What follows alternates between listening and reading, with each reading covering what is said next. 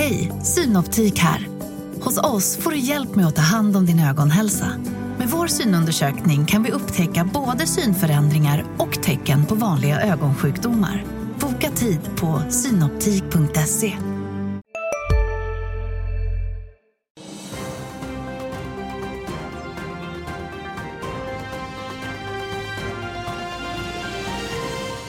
God morgon och välkomna till veckans sista Börsmorgon torsdag 6 april. Snart är det påsk.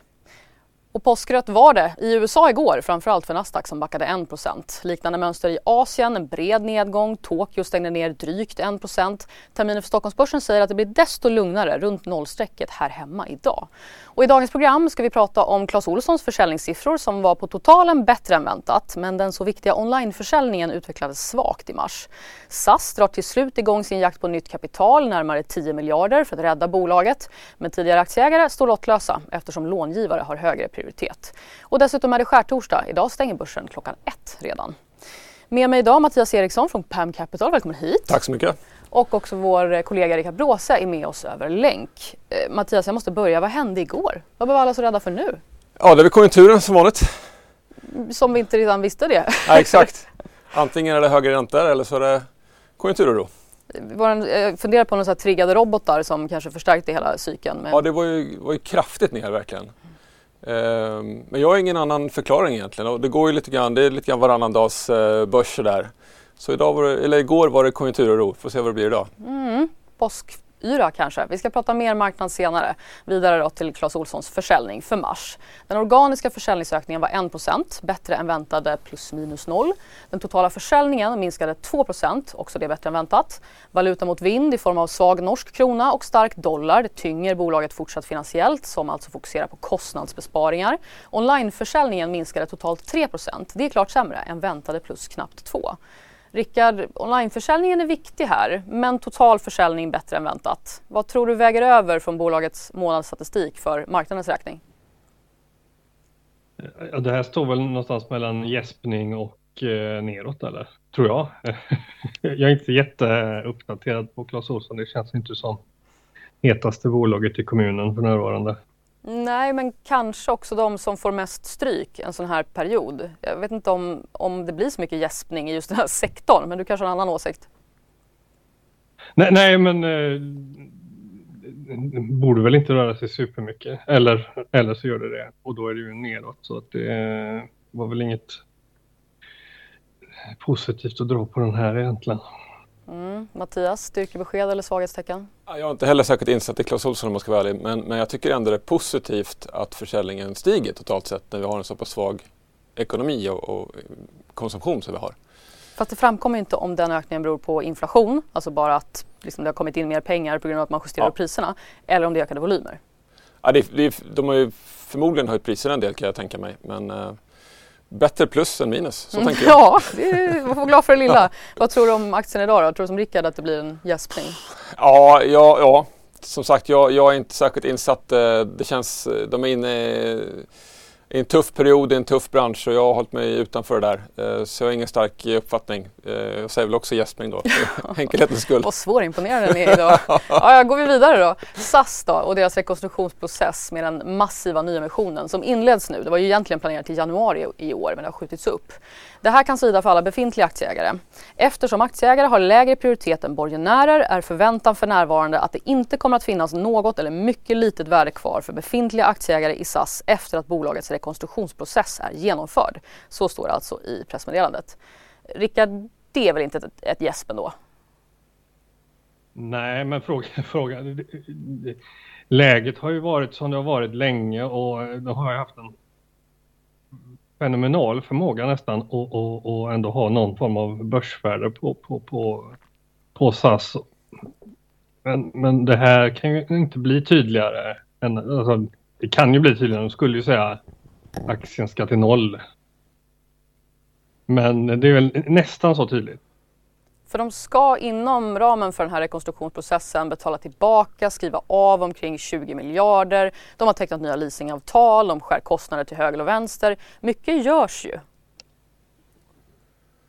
Jo, men det har ju varit så här. Jag var nere och stod och frös ihjäl på Kastrup för tio år sedan när de när de hade de här förhandlingarna med facket och hotade med att liksom sätta det i konkurs. Eh, det, har, det här är ju liksom en... Om det förra var en gäspning så är ju det här någon form av utdragen likvaka känns det som. Och du har inte förlåtit dem för den där Kastrup-upplevelsen ännu menar du?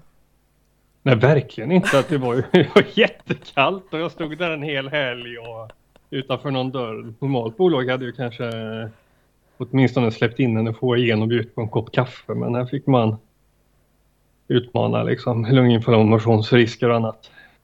Aj, aj. Mattias, om jag lämnar eh, eh Rickards trauman och går istället till att de uppdaterar sina finansiella prognoser samtidigt.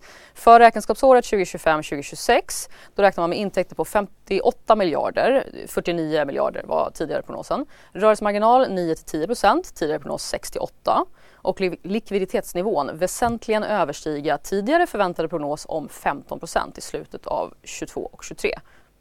Vad tycker du om dem? Ja, det låter ju jättebra om det blir så. Förmodligen blir det inte så bra. Men, men, du är inte säker på att det också nej, jag, nej, jag tar det där med en jättestor nypa salt. Jag hoppas att SAS överlever för egen del. Sen att eh, ja, det, det är vågat att placera sina pengar i, i SAS-aktien och nyemission. Det, det är det skulle jag säga. Men har du något hopp om bolaget, inte bara på det personliga planet, också med de här åtgärderna? Ja, jag, jag hoppas verkligen det. Eh, vi behöver ju ett eh, flygbolag här i, här i Sverige och eh, förhoppningsvis nu när vi har pandemin i, i, i ryggen bakom oss och, och mer resande. Jag såg ju starka siffror från Finnair idag. Ehm, så det är positivt. Så, så jag hoppas verkligen att eh, det kommer in investerare och att de gör en bra affär kan också säga att motiven som eh, bolaget listar då bakom den här förväntade lönsamhetsnivån som de uppdaterar. Förbättringen i rörelseresultat och marginal är ett resultat av högre prognostiserade intäkter som främst beror på en högre förväntad efterfrågan, en minskning i finansieringskostnader baserat på ett antagande om att delar av bolagets framtida flotta kan självfinansieras. Det mm. låter ju som att mycket kan gå fel på vägen. Ja. och att det är lite förhoppningar. Ja, det är mycket förhoppningar. Ehm, men det är klart att man måste ha förhoppningar och eh, en, en, en, plan. Så får vi se hur väl de kan exekvera på den planen. Mm. Det, ehm. vi har sökt eh, bolaget och VD Anko van der Werf ska jag säga som tackade nej. Men eh, vi verkar heja på här att ni ska fortsätta kämpa i alla fall. Hörrni, vi lämnar kroniskt krisande flyg därhän istället. Ytterligare nyhet. Embracer storägare, Saudiarabiska Savvy Gaming Group. De köper en amerikansk mobilspelsutvecklare, Scopely, för 51 miljarder kronor. Sedan tidigare äger Savvy Gaming knappt 8% av Embracer och har meddelat planerade investeringar inom gamingsektorn globalt då på över 400 miljarder de närmaste åren. Rickard, är det här nästan en form av korsägningsdramatik på gång i gaming? Saudiarabien verkar ju vilja bygga ett eget Embracer. Ja, vi får väl se. Jag, jag, jag har nog ingenting att tillägga här egentligen. Jag har inte tänkt, funderat så mycket på, eh, på vad det här betyder oh. för Embracer. Om jag ber dig att filosofera över frågan, hållbarhetsfrågan framförallt med den här typen av ägare. Det är ju alltså Saudiarabien med kronprinsen backad som ordförande för, för den här koncernen det är ju ändå en fri marknad. Kapital och betalningsefterfrågan, det, det är väl det som styr. Det är nu jag ska svara 10 poäng. jag, jag, vet inte vad det betyder i din värld. nej, nej det, det betyder en referens till en fotbollsspelare som hade varit på fotbolls-VM. Eh, ja, det, det, din fråga känns som att den redan var tillräckligt laddad. Den behöver liksom inget, den behöver inget svar utan det, det säger sig själv. Men det är ju intressant. Alltså man, om man zoomar in. Embracer är ju ett fenomenalt intressant företag. Eh, där, som också många andra förvärvare har tvingats in i en, liksom en, en ny sits och fått liksom börja tänka om. och eh, du, har du har väldigt mycket skuld på balansräkningen och eh, om du sitter i eh, grundar-vdns stol så, eh, så kanske man inte frågar efter om eh, vi sitter och ger 10 poäng till, till, stor, till andra storägare utan man är väl nöjd att man får in kapitalstarka finansiärer och sen vad de gör i sin tur det är, det är väldigt svårt att liksom, jag har en, ganska exakt noll inblick i Saudiarabien ska jag säga. Samma här, väldigt dålig insyn där. Mattias? har jag också väldigt dåligt Vad tänker du annars om den här dramatiken ja, med, som kan Med tanke på hur mycket ESG-fokus det är i Sverige så, så borde det kunna få lite uppmärksamhet. Det fick en del uppmärksamhet när så vi gick in i, i Embracer. Sen har det varit ganska tyst då. Men, men gör man liksom en, en, större, bredare räd eventuellt så, så kan de få ännu mer uppmärksamhet. Vi har ju kinesiska ägandet i, i Volvo bland annat som också får en del uppmärksamhet. Så men försvinner med jämna mellanrum ja, också. Mm, mm. Eh, apropå korsägande så korsar vi sektorsgränser till en av dagens, eh, förlåt, gårdagens tunga fall på Stockholmsbörsen. Nordea sänkte sin riktkurs för SBB till 10 kronor och varnade för att, varnade för att nuvarande utdelningsnivå är ohållbar. Kan leda till ett sänkt kreditbetyg till och med. Aktien föll 8% igår, den kostar nu drygt 13 kronor dubbla påskägg eller smällar för SBB Rickard eftersom att du eh, dessutom tvekar på om de kommer tjäna så mycket som de själva prognostiserar. Och mina hjärnceller räcker inte till för att förstå din text som går i dagens tidning så du kan berätta det smarta istället. Ja, bakgrunden är egentligen att, att um, i, i fastighetssektorn så använder man sig av något man kallar för aktuell intjäningsförmåga som ska vara en ögonblicksbild uppräknad i årstakt kan man säga för att ge placerarna, aktieägarna en, en, en möjlighet att liksom för, förstå vad, vad är det för paket vi köper här egentligen. Eh, så satte jag mig för några, en helg för, några, för någon månad sedan och gick igenom och utvärderade då, vad, vad har de olika fastighetsbolagen gjort för antaganden och vad utfallet var, varit. Och då var det en som stack ut väldigt mycket och det var då ett fastighetsbolag som heter SBB som är populärt eh, i Sverige. Det har väldigt många ägare har noterat. Eh, där man då har överdrivit överskottsgraden eh, väldigt mycket och det är inte bara det att man har gjort det utan man har ju dessutom successivt fortsatt att höj, höja sitt antagande för fastighetsportföljens lönsamhet även, när, för, eh, eh, även om man gjorde ett för drygt ett år sedan ett stort förvärv av Amasten som har eh, vad ska vi kalla det för utan att jag säger något dumt. Eh, de har hyresfastigheter som kanske inte är av bästa kvalisort. Och med det följer då att, att du har en väldigt låg överskottsgrad på dem. Så att du, du ökade andelen lågavkastande och så höjde du ändå antagandet och så har du fortsatt att göra det. Och det där gapet har ju då växt sig ganska stort. Och, eh, och det är inte bara den. Alltså det är ju kärnan i det hela. Alltså fastighetsbolag baserar sig på vad har du för driftnät och, och så sätter du något avkastningskrav på det och sen så landar du i att fastigheten är värd någonting.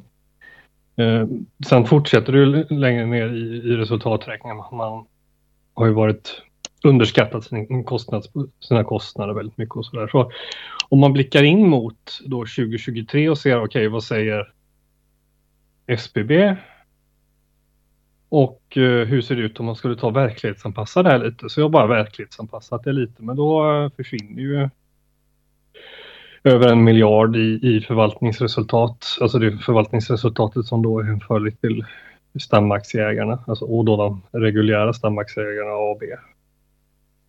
Det var väl glasklart va? Jag tror det. och, och en miljard på hela räkenskapsåret då, alltså 2023? Ja. Och hur mycket är det procentuellt? Ja, över så att jag, jag, i princip så... Eh, nu, jag tror att det blev liksom 45 procent eh, lägre eller något sånt. Eh, så att nästan halverat jämfört med om du bara köper deras eh, intjäningsförmåga rakt av och tror att det är någon form av... Eh, eh, att den ger någon vettig bild av liksom hur dynamiken ser ut i det här bolaget. Men när man ändå ska göra prognoser på kan antaganden på fastigheternas värde eller kommande hyresgäster och sånt där. Är inte det svårt att pricka rätt då? Alltså, det, det är svårt. De, det, det, aktuell intjäningsförmåga går inte ut på liksom att du ska gissa hyresintäkterna om ett år eller, eller så. Utan det är en ögonblicksbild och sen så tillkommer det hyresgäster och gör transaktioner och så vidare. Men det finns ju saker som, som du inte borde liksom sätta helt fel. Och överskottsgraden är ju en sån. Det blir, ser väldigt märkligt ut om du ökar andelen lågavkastade fastigheter och höjer ditt antagande och så hamnar, hamnar du nästan 8 procentenheter fel. Det blir liksom en uh, halv miljard då på... Uh, de hade kommit ut en halv miljard högre ungefär om, om, om de uh, hade presterat, om fastigheterna hade haft en marginal som de säger att de har. Vad säger du om, den här Nordea-analysen igår då, och riktkursen på 10 kronor? Jag, jag, jag, fick bara en skärmdump på, på den så jag har inte liksom läst den. Eh, får jag erkänna. Har du några tankar på riktkursen? Eh, på 10 kronor? Mm -hmm. Ja men det känns väl som eh, eh, rimligt. Alltså, jag, man, får, man får ha vilken... Riktkursen blir ju i linje med vad man argumenterar för. Och, och 10 kronor idag sticker liksom inte ut som anmärkningsvärt bäsat om du jämför, alltså om du sätter det i relation till hur andra stora fastighetsbolag värderas. Det här är ju i grunden ett tillgångslag som Ja, det kanske är det mest hatade tillgångslaget alltså på global nivå i dagsläget. Eh, så det, det, är inget svenskt fenomen att det finns frågetecken för fastigheter utan det, det är ju både i Europa och USA där du ser eh, eh, eh, eh, en stor skepsis mot fastigheter och fastighetsaktier. Mm, det går fort där också som att de var så himla heta för bara några år sedan. Mattias, vad tänker du om det som spaningen som Rickard har gjort och så kanske även kursen och analysen där? På ja, men jättebra analys. Ehm, och det är intressant att SBB sticker ut där som lite väl optimistiska med tanke på ja, deras informationsgivning historiskt som, som har varit lite bristfällig. Så. Ehm, sen tycker jag också kopplingen med eh, Castellum som Rickard gör är bra för där har vi ju jag tycker Castellum är intressant för det har en, en bred geografisk eh, täckning och även vad gäller typer av fastigheter. Och då en, en finansiellt stark huvudägare. Så jag tycker Castellum är kanske det mest intressanta bolaget i fastighetssektorn. Vi äger ingenting där nu men, men förr eller senare så ska man nog in i den sektorn. Och ni äger inga SBB? Nej. Nej. Den som är nyfiken på den här jämförelsen, Castellum och SBB, kan kika i dagens tidning där alltså Rickard har jämfört dem båda. Men det här var allt vi hann innan handelsstart för klockan är nio. Börsen är öppen för sista gången den här veckan. Vi kastar oss ut till börsskärmen.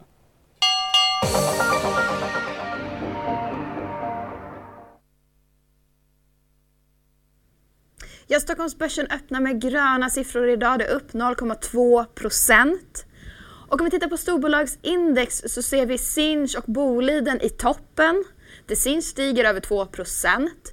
Om vi tittar i botten så ser vi Telia och då vill jag också nämna att Telia avskiljer för utdelning och de ligger ganska exakt i linje med det så det förklarar att de ligger i botten idag.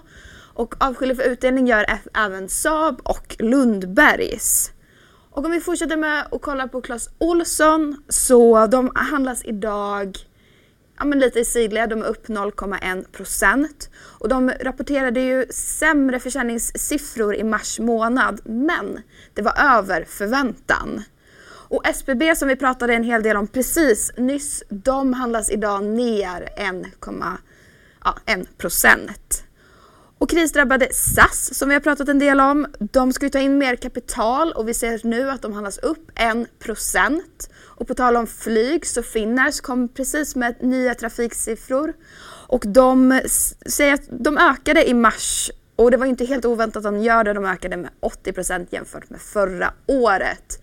Och de rör sig i sidled på Helsingforsbörsen.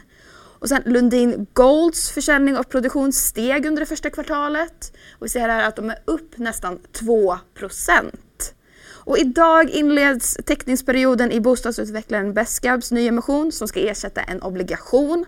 Och utspänningen för ägare som inte tecknar nya aktier blir sällsynt stor. Hela 30,8 miljoner nya aktier ska tryckas mot befintliga 15,5 miljoner.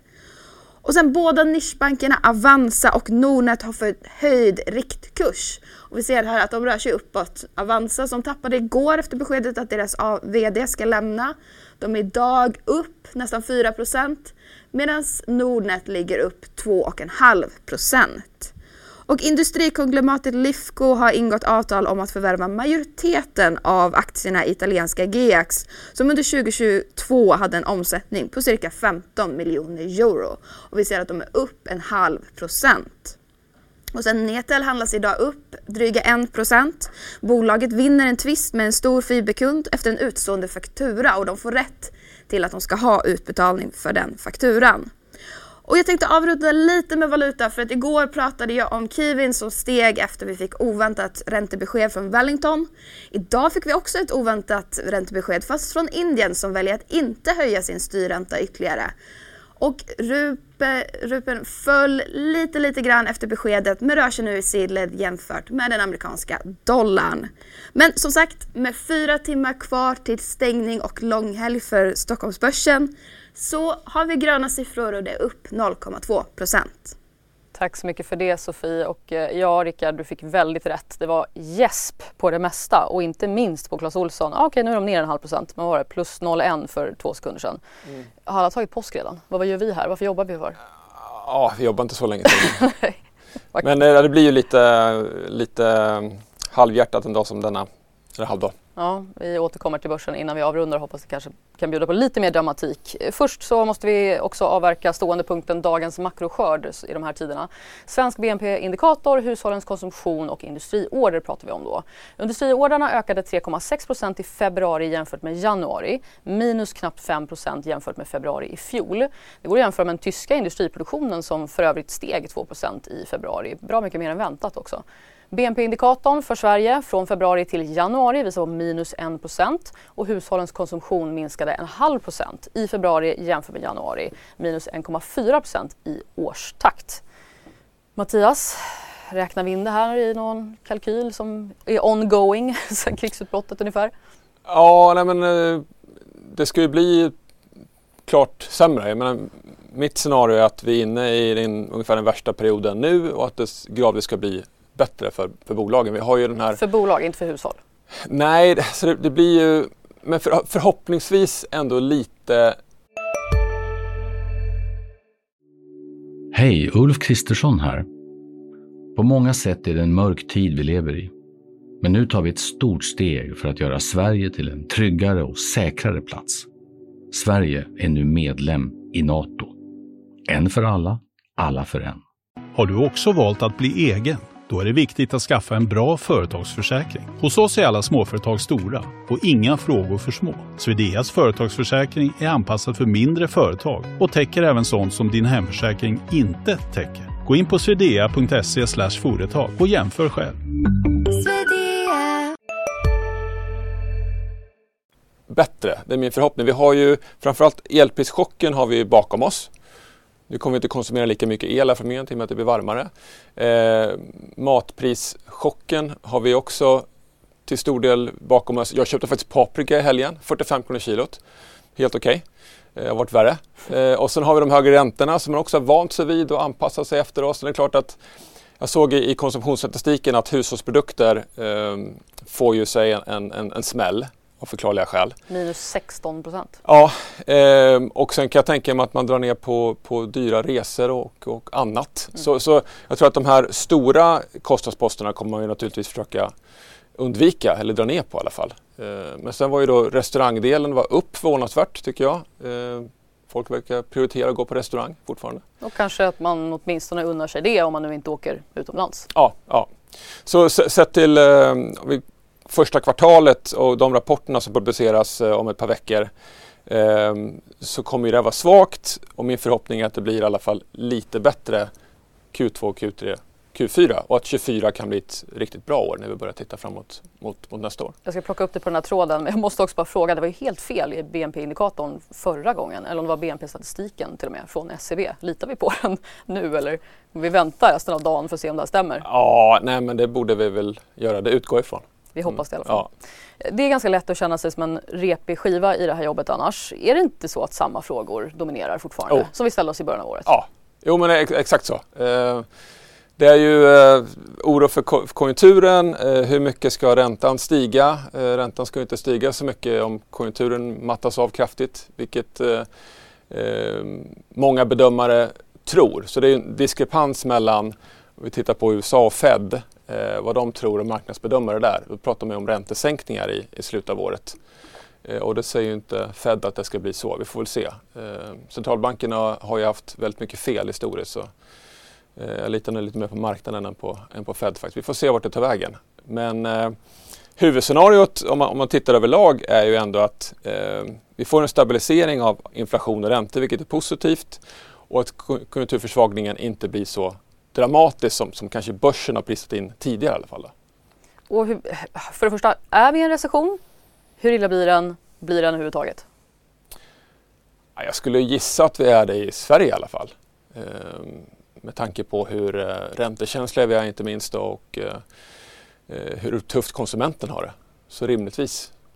Det här inflationshotet känns som att det la sig lite under våren och att man ändå, det är någon form av konsensus att om inflationen har åtminstone toppat och det är trenden mm. som är viktig. Mm. Mm. Och sen sådana här veckor eller dagar så känns det som att nej det kanske inte alls riktigt var över. Kan vi liksom skriva bort det lite grann? Eller vad, vad tror nej, du? inte helt. Det, det, kan vi inte göra än så länge. Och det är på, jag tror väl att Sverige har fjärde högsta inflationen i världen. Högre än Ryssland exempelvis. Um, så det är en bedrift. Ja, verkligen. Så, så det där måste vi ta på allvar fortsättningsvis också. Um, men det mesta talar ändå för att, att det kommer gå tillbaks, att ökningstakten blir betydligt lägre framgent. Men för bolagen då inför rapportsäsongen, ser du Q1 som en potentiell värsta period eller botten? Ja, min förhoppning är att man, man, man har en tendens att titta framåt naturligtvis och eh, Q1 vet alla om att det kommer bli brutalt jobbigt för, för de flesta bolagen. Eh, men om det kan komma lite signaler om att nej, men, eh, nu ser det ändå hyggligt ut framgent så tror jag det räcker för att liksom, i alla fall stabilisera börsen och till och med att det kan bli lite optimism. Rickard, eh, tror du också att det första kvartalet som vi har nu lagt till handlingarna kan vara den där botten som de flesta längtar efter? Nej. Utveckla. Nej, jag tror vi bara har sett början på, på det här. Ehm, visst, eh, vi kommer få billigare grönsaker och, och lägre elräkningar liksom eh, sekventiellt under, det blir sommar och så vidare, men jag tror det blir vinter sen igen eh, efter det. Och, och, eh, läget är, det är liksom inte strålande för konsumenter utan det kommer, det kommer vara fortsatt kämpigt. Och det, du, du, har ju den här jobbiga avvägningen mellan två onda ting. Nu har vi fram till typ nu fokuserat på inflation, räntehöjningar. Det som kommer få, det, det som kommer få centralbankerna att panikera åt andra hållet är ju en recession och den har förutsättningar att bli och bli djup. Eh, så jag, jag, tror inte att, om man går tillbaka till mina fastighetsbolag då när de pratar om att, att något liknande sånt här scenario, liksom att räntorna kommer komma ner. Jag skulle inte sitta och hoppas så där jättemycket på att du får kraftiga eh, sänkningar från centralbanker för att det kommer bero på någonting som kommer göra att spreadarna för dem kommer vara inte aptitliga ändå. Va? Så eh, och tillgången till kapital eh, svårare. Så ja, jag, jag har väldigt dyster, eh, eller väldigt mycket mer dyster framtidssyn än vad... Men det är normalt, jag har nästan alltid det, så man ska inte lyssna så himla mycket på mig.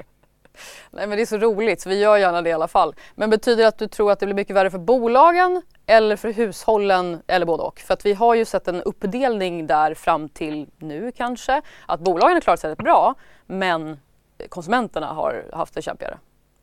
Ja, ja, inte konsumentbolag har kanske inte klarat sig så jättebra eller, eh, eller om, du bygger, om du är bostadsutvecklare eller så, då har du inte klarat dig bra. Men, men jag, jag, jag, förstår vad du säger. Eh, om man säger så här då, jag tror att den mest utslagsgivande multipeln idag, det är skuldsättning. De bolag som har stora skulder kommer att liksom bli forcerade säljare till tillgångar. Eh, de som har tillgång till kapital, de som inte är tungt skuldsatta, det är de som kommer kunna liksom snappa upp det som andra måste andra måste vräka ut. Och, och det är bara en, så att det är liksom två delar i det. Det är både liksom en defensiv komponent och det är en offensiv för, som kommer att avgöra var du befinner dig om tre år. Och de som har hög skuldsättning idag det är inte bara det att du, du kommer att ha en volatil aktie för att eget kapital, eh, alltså equity-delen i, i, i rörelsevärdet är litet och att det bubblar omkring av, av, liksom, och den anledningen utan du kommer då även att inte kunna lägga grunden på samma sätt som de som har kapital. Så det, det är det man ska ha sina ögon på i, i första hand. Och sen så, för att fortsätta orera lite till, så, så, tror jag om man drar ut liksom hela det här decenniet och, och funderar på vad är det som kommer att klara sig bättre och, och, och sämre. Alltså jag, jag tror inflation kommer att vara på en högre nivå eh, där decenniet än vad det varit tidigare och det kommer vara alltså, surare på många plan ekonomiskt där du kommer att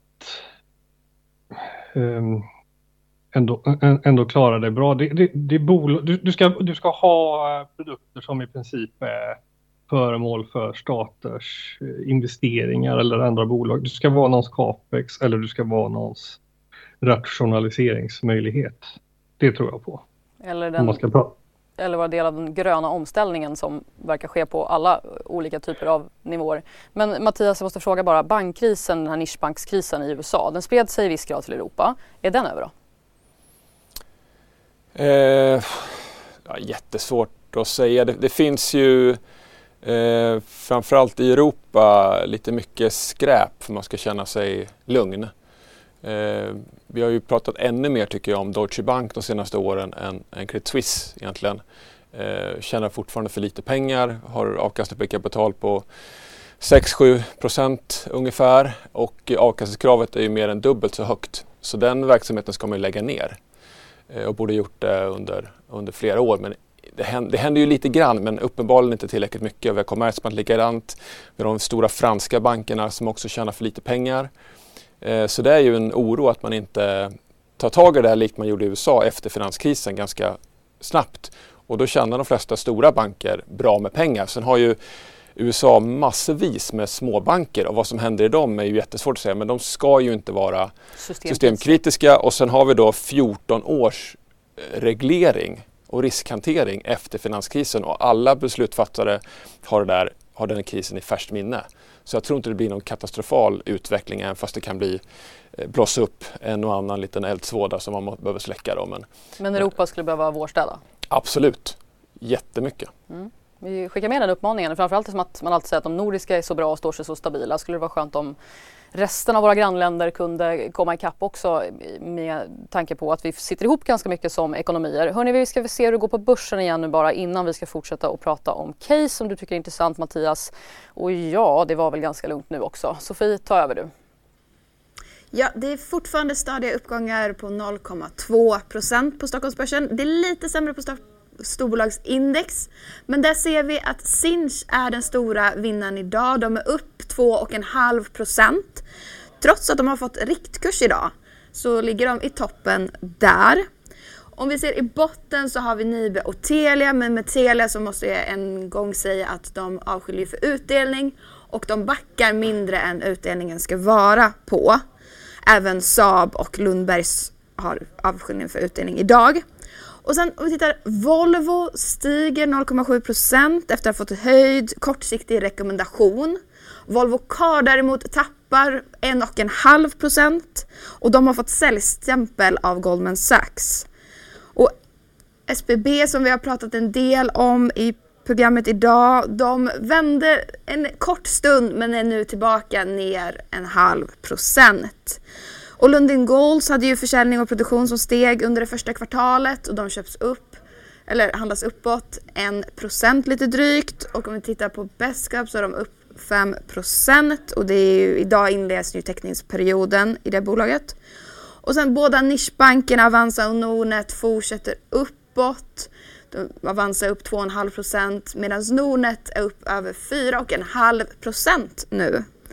Och sen industrikonglomeratet Lifco som jag pratade lite om tidigare stiger 0,8 procent. Och samma med Netel som är upp 0,7 procent efter att de har vunnit i sin faktura Tvistar där med en stor fiberkund. Men som sagt, Stockholmsbörsen, det är gröna siffror nu när det är tre och en halv timme kvar av den här veckan live-nedräkning i DTV hela dagen tänkte jag säga. Det ska vi inte hålla på med. Vi ska fortsätta med de här resonemangen vi var inne på då som från dig Mattias som bakgrund. Var det då kliar lite i köpfingret för dig? Jo, men eh, jag gillar ju att vara lite motvallskärring eh, så, så de här konsumentnära bolagen, till exempel då Husqvarna och Dometic, eh, Thule som har tappat enormt kraftigt. Och som är liksom världsledande bolag som vi ska vara stolta över att vi har i, i, i Sverige på Stockholmsbörsen. Så vi kan enkelt bli ägare i, gillar jag. Då. Eh, aktierna har fallit eh, mellan 40 och 60 procent, Dometic mest 62 procent sen, sen toppen. Är de bara för billiga? Är det det som kliar lite eller? Alltså om man, om man ser, delar upp dem, så Dometic eh, bör ju kunna generera så pass höga kassaflöden, alltså minst 2 miljarder med, med lagerminskning som nu kan komma förmodligen i, i år, nästa år så kanske de kan komma upp i en bit över 3 miljarder i kassaflödesgenerering och ha ett börsvärde på 19. Så sett det så är det alldeles för billigt. Och det här är ändå ett bra bolag i grund och botten eh, som ska kunna förbättra sitt, sin avkastning på, på kapitalet. Som sagt bra kassaflödesgenerering, jättestarka eh, marknadspositioner, världsledande in, inom sina nischer. Eh, så den, Men också väldigt recessionskonjunkturkänsliga. Absolut, och det är därför den har fallit så, så kraftigt. Eh, men de har ändå hållit, hållit emot väldigt bra. De kommer ändå tjäna bra med pengar eh, det här året tror jag, trots allt. Och sen kommer vi se en gradvis förbättring då. Jag tror att, som sagt, att första kvartalet blir som tuffast och sen blir det aningen bättre, min förhoppning i alla fall. Thule och Husqvarna är ju fantastiska bolag, världsledande satsar väldigt mycket på produktutveckling, har gjort det massvis med år, gör det väldigt, väldigt bra. Eh, pandemin har varit eh, speciell. Först var det liksom panik och så märkte man att de gynnades väldigt kraftigt och sen nu har det blivit baksmälla. Eh, men de har fallit kraftigt och det, det, är två bolag som man kan äga för evigt i princip tycker jag. Då. Både Husqvarna och Thule har ju faktiskt, faktiskt också gått så bra i år. Visst att de har varit pressade men nu är de ändå upp sådär nästan 20 procent sedan årsskiftet. Ja. Har det inte kanske också då normaliserat sig lite efter den här pressen? Jo absolut. Uh, jag, jag, tänkte på att Thule har ju gått upp, när jag kollade igår så senaste dagarna var det upp 16 procent. Det har varit ett par rekommendationshöjningar där som har, som har bidragit. Och då ser man ju de här pressade aktierna, direkt när det kommer någonting positivt så får de en enorm fart. Um, så Thule och Husqvarna kanske man kan se på lite längre sikt. Eh, Dometic är ju den aktie som har jättestor potential. Det borde ju stå i åtminstone 100-lappen och står väl i ungefär 60 nu.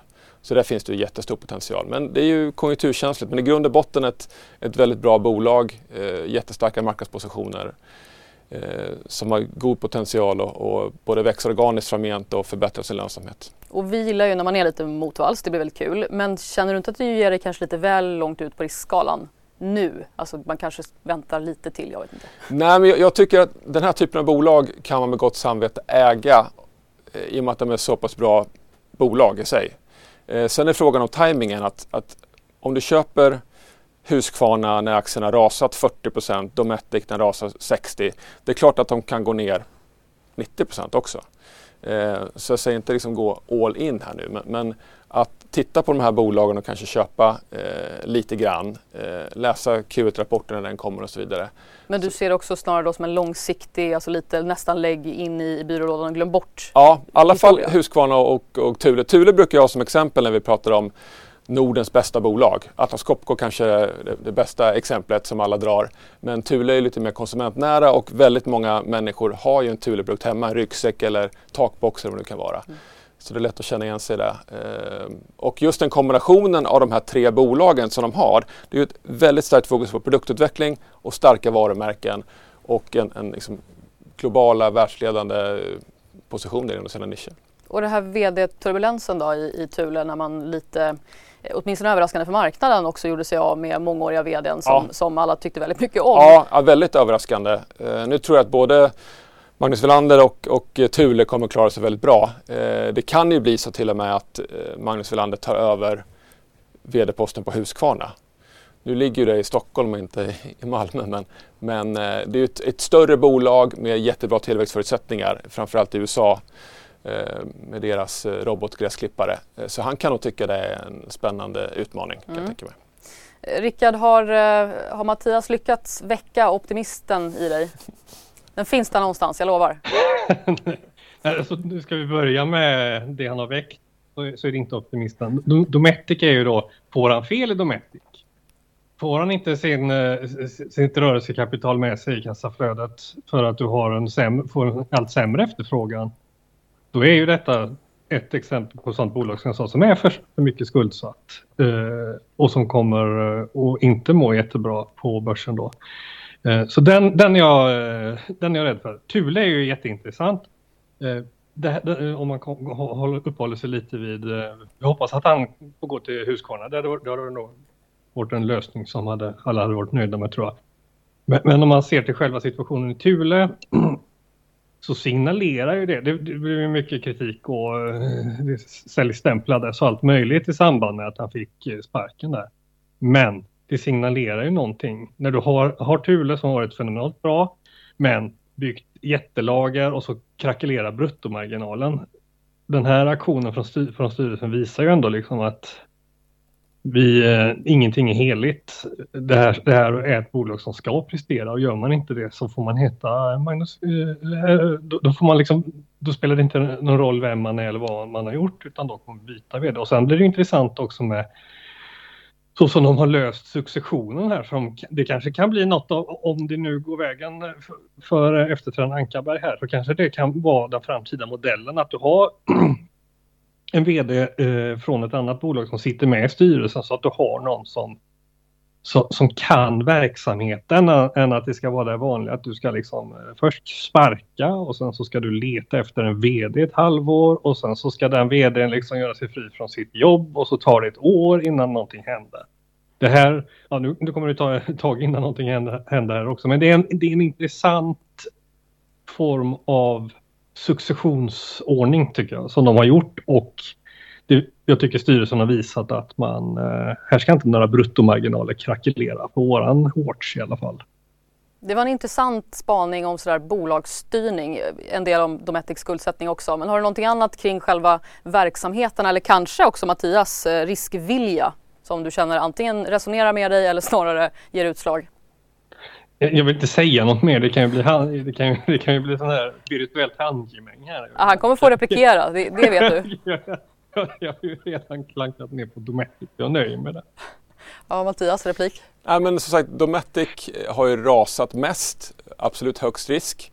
Och just den kombinationen konsumentnära med hög skuldsättning. Eh, Thule Husqvarna har också en viss skuldsättning men inte alls lika hög skuldsättning som Dometic. Jag vet ju att blankare som inte ens vet vad Dometic, Thule och så vidare håller på med blankar aktien just för att man är konsumentnära och dessutom har man hög belåning så tillrör det ännu mer intresse.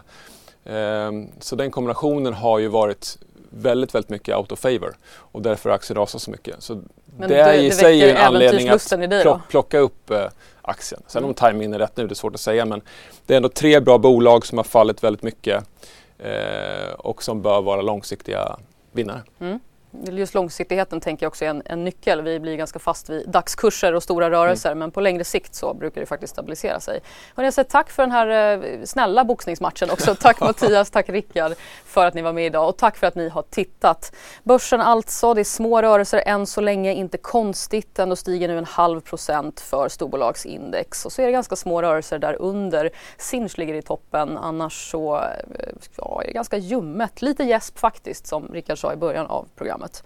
Det här sätter punkt för veckans Börsmorgon. Ni har fram till klockan ett på er att handla idag. Börsrådet en torsdag den här gången klockan halv tolv. Börskoll summerar dagen som vanligt klockan två. Nyheter när ni vill på di.se. Glad påsk!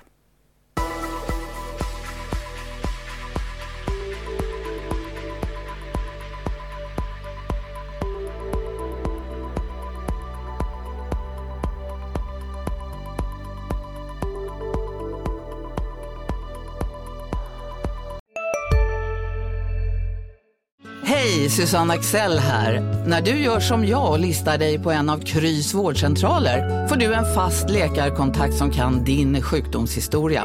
Du får träffa erfarna specialister, tillgång till lättakuten och så kan du chatta med vårdpersonalen. Så gör ditt viktigaste val idag, lista dig hos Kry. Välkommen till Maccafé på utvalda McDonalds restauranger med Baristakaffe till rimligt pris. Vad sägs om en latte eller cappuccino för bara 35 kronor? Alltid gjorda av våra utbildade baristor.